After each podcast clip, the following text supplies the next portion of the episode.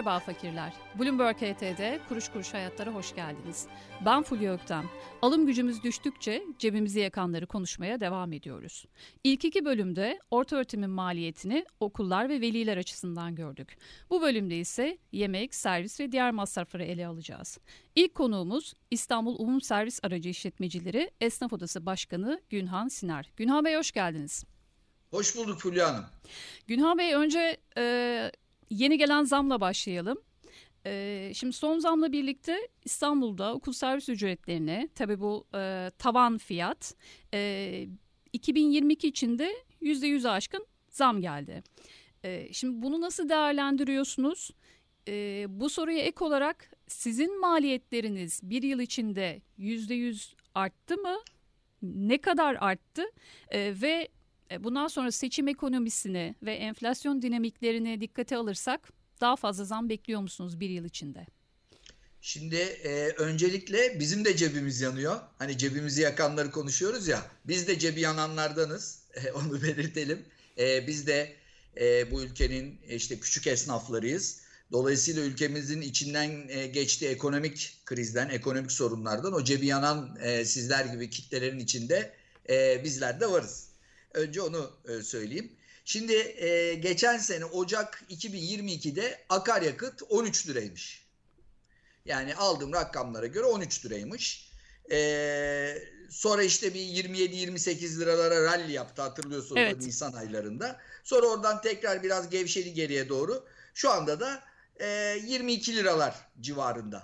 Yani e, akaryakıta e, takriben %70, %75 gibi e, geç Ocak ayından bu yana bir artış gelmiş. Ama tabii akaryakıt her ne kadar bizim e, önemli bir giderimiz ise de akaryakıtın dışında işte asgari ücrette yanımızda şoförler, rehber personeller çalışıyor. İşte kasko ücretlerimiz, sigorta ücretlerimiz, yedek parça, tamir bakım, lastik. E, mesela kasko sigorta rakamlarına sizler gazeteciler haber yapıyorsunuz. E, %300, %400'ler geldi fark. Yani e, böyle astronomik rakamlar geldi. İşte keza lastik e, bakış Nisan ayı e, itibariyle e, pardon Aralık ayı itibariyle biz kış lastiği takmaya başladık. Nisan'da çıkartıyoruz Aralık'ta takıyoruz. Evet. İnanın 4 tane kar lastiği bugün 15-16 bin lira. 4 tane kar lastiği değiştirdiniz. Sadece 4 lastik 16 bin lira. Yani bunlar hep maliyet, kaskolar, sigortalar, tamir, bakım, yedek parça. Dolayısıyla bizim de cebimiz yanıyor. Bize verilen %100 artış sadece asgari ücrete gelen bir yıllık artışa eşdeğer. Yani onu gözeterek 3 aşağı 5 yukarı bir artış e, veriyorlar. Yani dolayısıyla e, biz aslında fedakarlık yapıyoruz inanın. 01792 lira. En uzak mesafede 23-25 kilometre 1901 lira. Şimdi ee, okullar biliyorsunuz zaten bu uzak mesafeler çok fazla e, kullanılan dilimler değil. Okullar artık kayıt ev ev e, adrese kayıt sistemiyle e, öğrenci Hı-hı. alıyorlar. Yani evet. çok uzaklardan zaten e, sistem öğrenci almıyor.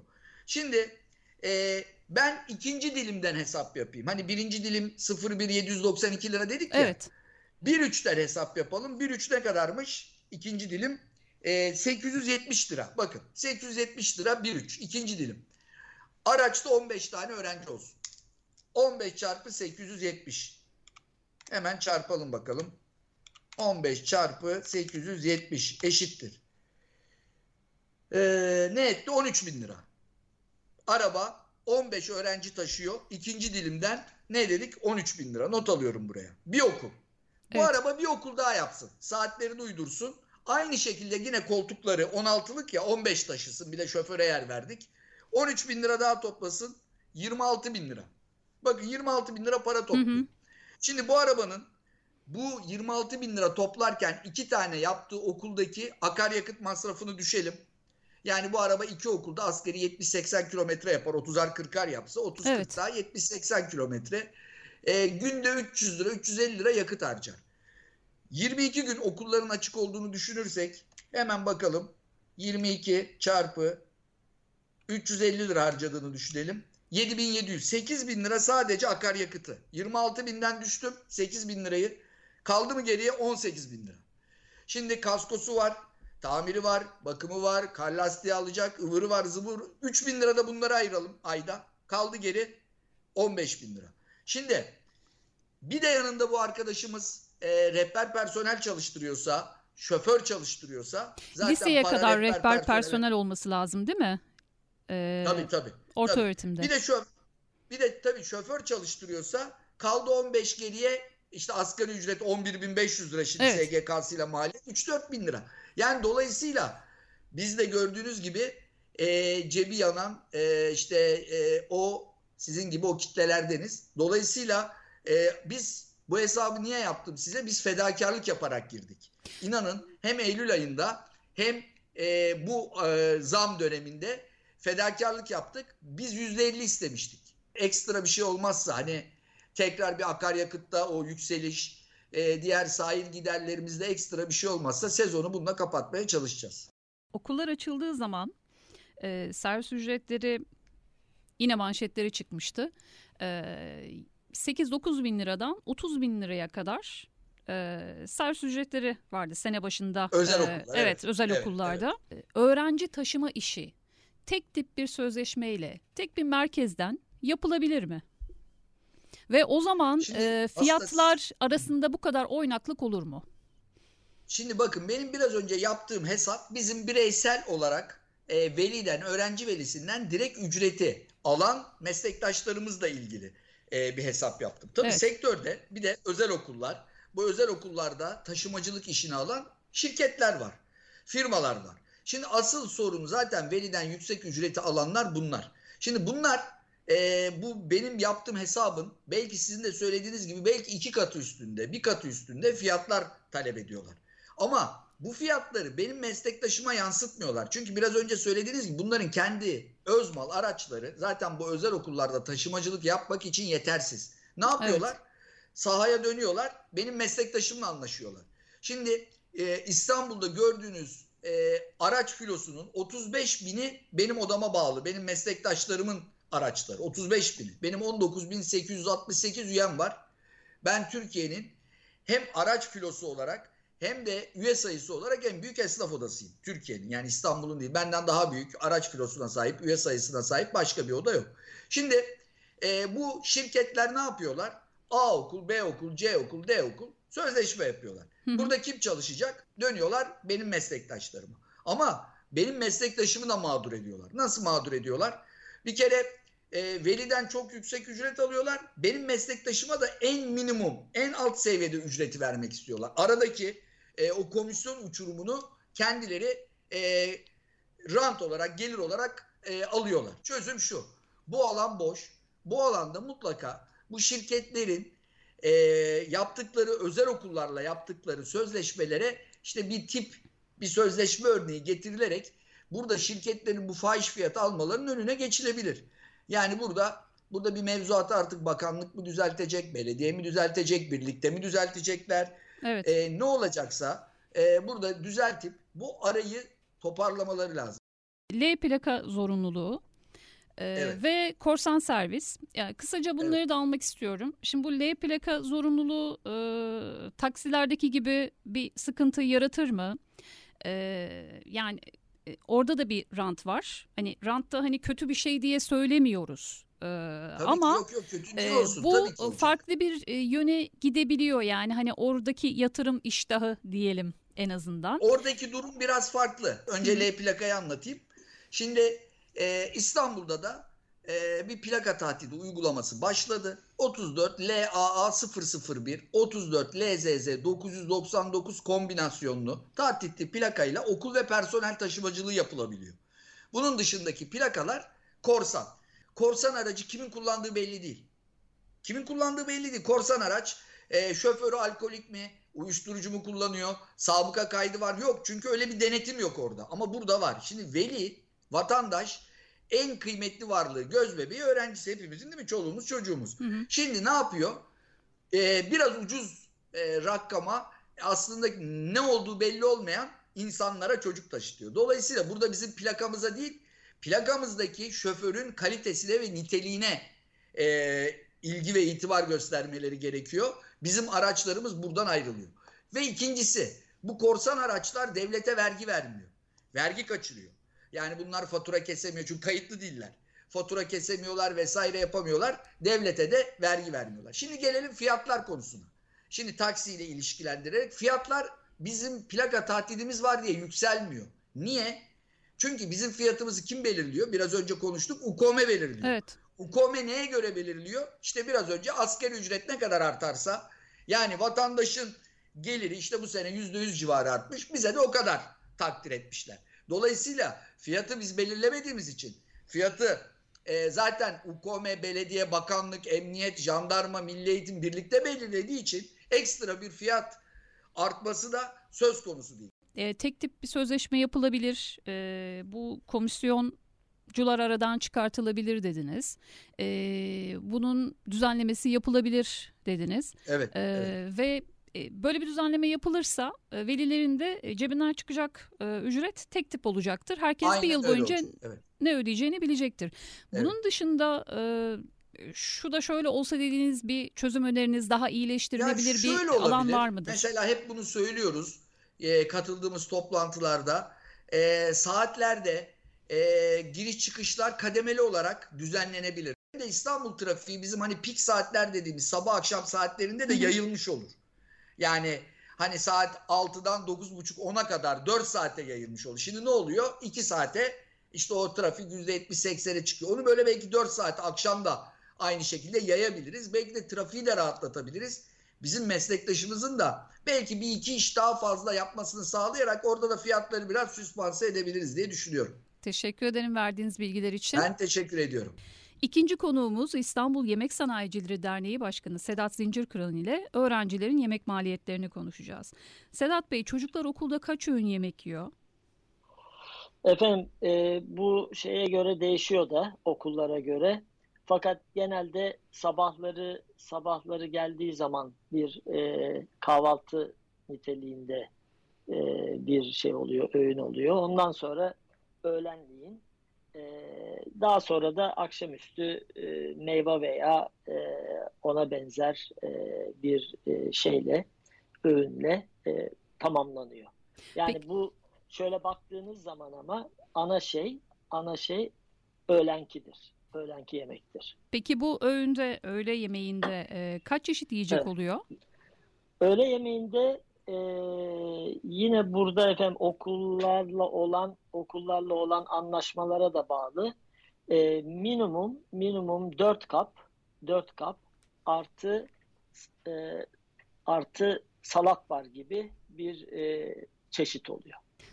Sedat Bey, öğrencilerin öğle yemeğinin maliyeti nedir? Yani yemek sanayicisi tüketiciye e, ne kadar fatura kesiyor bu öğle yemeği için?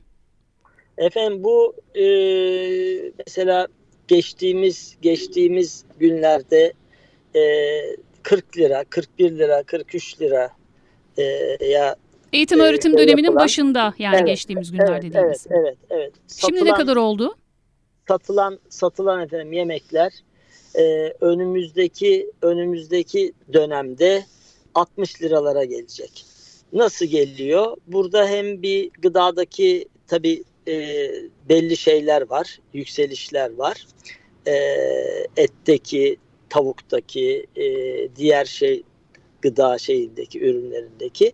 Bir de tabi burada maaşların maaşların yansıması var. Yani asgari şey ücretteki yüzde şey, 55'lik e, bir şeyin artışın e, yemeklere yemeklere yansıması var. Bizlerin bizlerin kestiği kestiği fatura e, adam başına 60 TL'lerde olacak. Öyle- Sene başında 45 liraydı. E, şimdi 60 lira oldu. Geçen yıl ne kadardı bu öğle yemeğinin e, faturası? Şöyle efendim bu 25'lerden başladı. 20 25'lerden başladı 2021'deki. 25'lerden 40'lara geldik. 40'lardan de- 60'lara. Evet 40'lardan da 60'a geldik. Yemek sanayicisinin kestiği fatura öğle yemeği için 4 kap yemek. Evet. E, 60 lira. Devlet Evet. okulunda bir öğrenci misal 70-80 liraya bu yemeği yerken Evet. özel okulda 200-230 liraya e, aynı öğrenci bu yemeği yiyor. E, yemek aynı, yemek sanayicisi aynı. E, Peki bu aradaki farkın sebebi nedir? Bizim bizim verdiğimiz fiyat maksimum maksimum işte 60-65 liralardır. Ondan sonrası e, bir takım şeyleri giderleri koyarak üstüne yürüdükleri için e, dediğiniz şeylere rakamlara e, rakamların rakamların telaffuz edildiğini biliyoruz. Hizmetin verilmesi için okula baya bir gider var onu söyleyeyim. Yani o kolay bir iş değil. E, yemekhaneyi ayıracaksınız. Ondan sonra yerini onun ısıtmasını, soğutmasını. Bugünkü şartlarda bir de yani bugünkü işte doğalgaz şeyiyle, fiyatlarıyla e, yazın şey soğutacaksınız bir şekilde, havalandıracaksınız.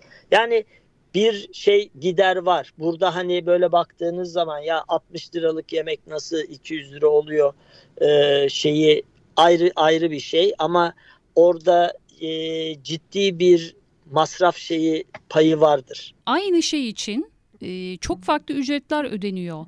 E, bu bir yerden yönetilemez anladığım kadarıyla ama e, evet. yani bir denge nasıl sağlanır bu işte? E, şöyle e, onu da söyleyeyim. Bizim mesela e, böyle çalıştığımız yemek hizmetini falan yaptığımız e, şeyler okullar içerisinde evet. yerler var. Veliye biz direkt faturayı kesiyoruz. İşte neyse 60 lirası 60 lira 62 lirası 62 lira. Okullarda da biliyorsunuz bir burs şeyi var mecburiyeti var belli şeylerde. Evet. Okulların talebe sayısına göre belli bir burs şeyi var.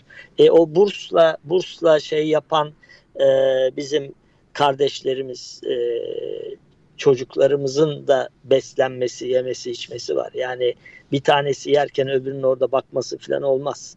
Yani bunlar da e, ben bunu filan anlatmak istemiyordum ama böyle de evet. şeyler var. Bunları, bunları da düşünmek lazım. Ee, ki o burs şeyleri de ciddi bir sayıdır. Ee, Burslu öğrenciler. Şeyde. Tabii tabii. Peki e, Sedat Bey, öğrenciler için yemeklerin sağlıklı ve makul fiyatlı olması için formülünüz nedir? Yani hem velilerin cebi yanmayacak e, hem de yemek sanayicisi zararına yemek vermeyecek şu anda okullarda verilen yemeğin ucuzlatılması için bizim şey gördüğümüz bir şey yok. Özetle e, sağlıklı ve makul ücretli yemek için bir formülümüz Hı-hı. yok. Bu fiyatlar artmaya devam edecek. Anlattıklarınızdan anladığım bu. Evet. Yani unutmayalım her günde bir şeye zam geliyor. Evet. Ve biz biz de onunla böyle karşı karşıya kalıyoruz. Yani gelecekte enflasyonun düşmesi, fiyat artışının hı hı. durması, alım gücünün yükselmesi uzun vadede evet. zaten her şeyin çözümü ama şu an için bir çözüm yok. Peki verdiğiniz yok. bilgiler için çok teşekkür ederim Sedat Bey. Şimdi öğrencilerin kırtasiye, kantin ve giyim masraflarına dair sektörden topladığımız birkaç bilgiyi paylaşmak istiyorum. İstanbul Kırtasiyeciler Odası Başkanı Yavuz Tekçe'den aldığımız bilgilere göre bir yılda yerli kırtasiye ürünlerinin toptan fiyatı %200 artmış. Ancak kırtasiyeciler perakende fiyatlara en fazla %125 zam yapmış. İlkokulda kırtasiye masrafı geçen yıldan bu yıla 300 liradan 650 liraya, ortaokul ve lisede 500 liradan 1000 liraya çıkmış. Geçen yıl 50 lira olan yardımcı ders kitaplarının fiyatı bu yıl 200 liraya çıkmış. İstanbul Kantinciler Esnaf Odası Başkanı Vahap Osmanoğlu ise enerji, gıda ve kira fiyatlarındaki artış %200'ü aşsa da satış fiyatlarını ancak %40 ile 45 arasında zam yaptıklarını söyledi. Vahap Osmanoğlu kantinlerde bakkaliyenin azaldığını, sağlıklı yiyeceklerin arttığını, çorbayı 15 liraya, 4 kap yemeği ise 40 liraya sattıklarını söyledi. Okul kıyafeti fiyatlarındaki yıllık artış %100'ün altında değil. Hazır giyim sektörü ise artan üretim maliyetleri nedeniyle zamların devam edeceğini öngörüyor. Kuruş kuruş hayatlarda üniversiteye kadar olan eğitimin maliyetini işlediğimiz 3 bölümün sonuna geldik. Sonraki bölümlerde görüşmek üzere.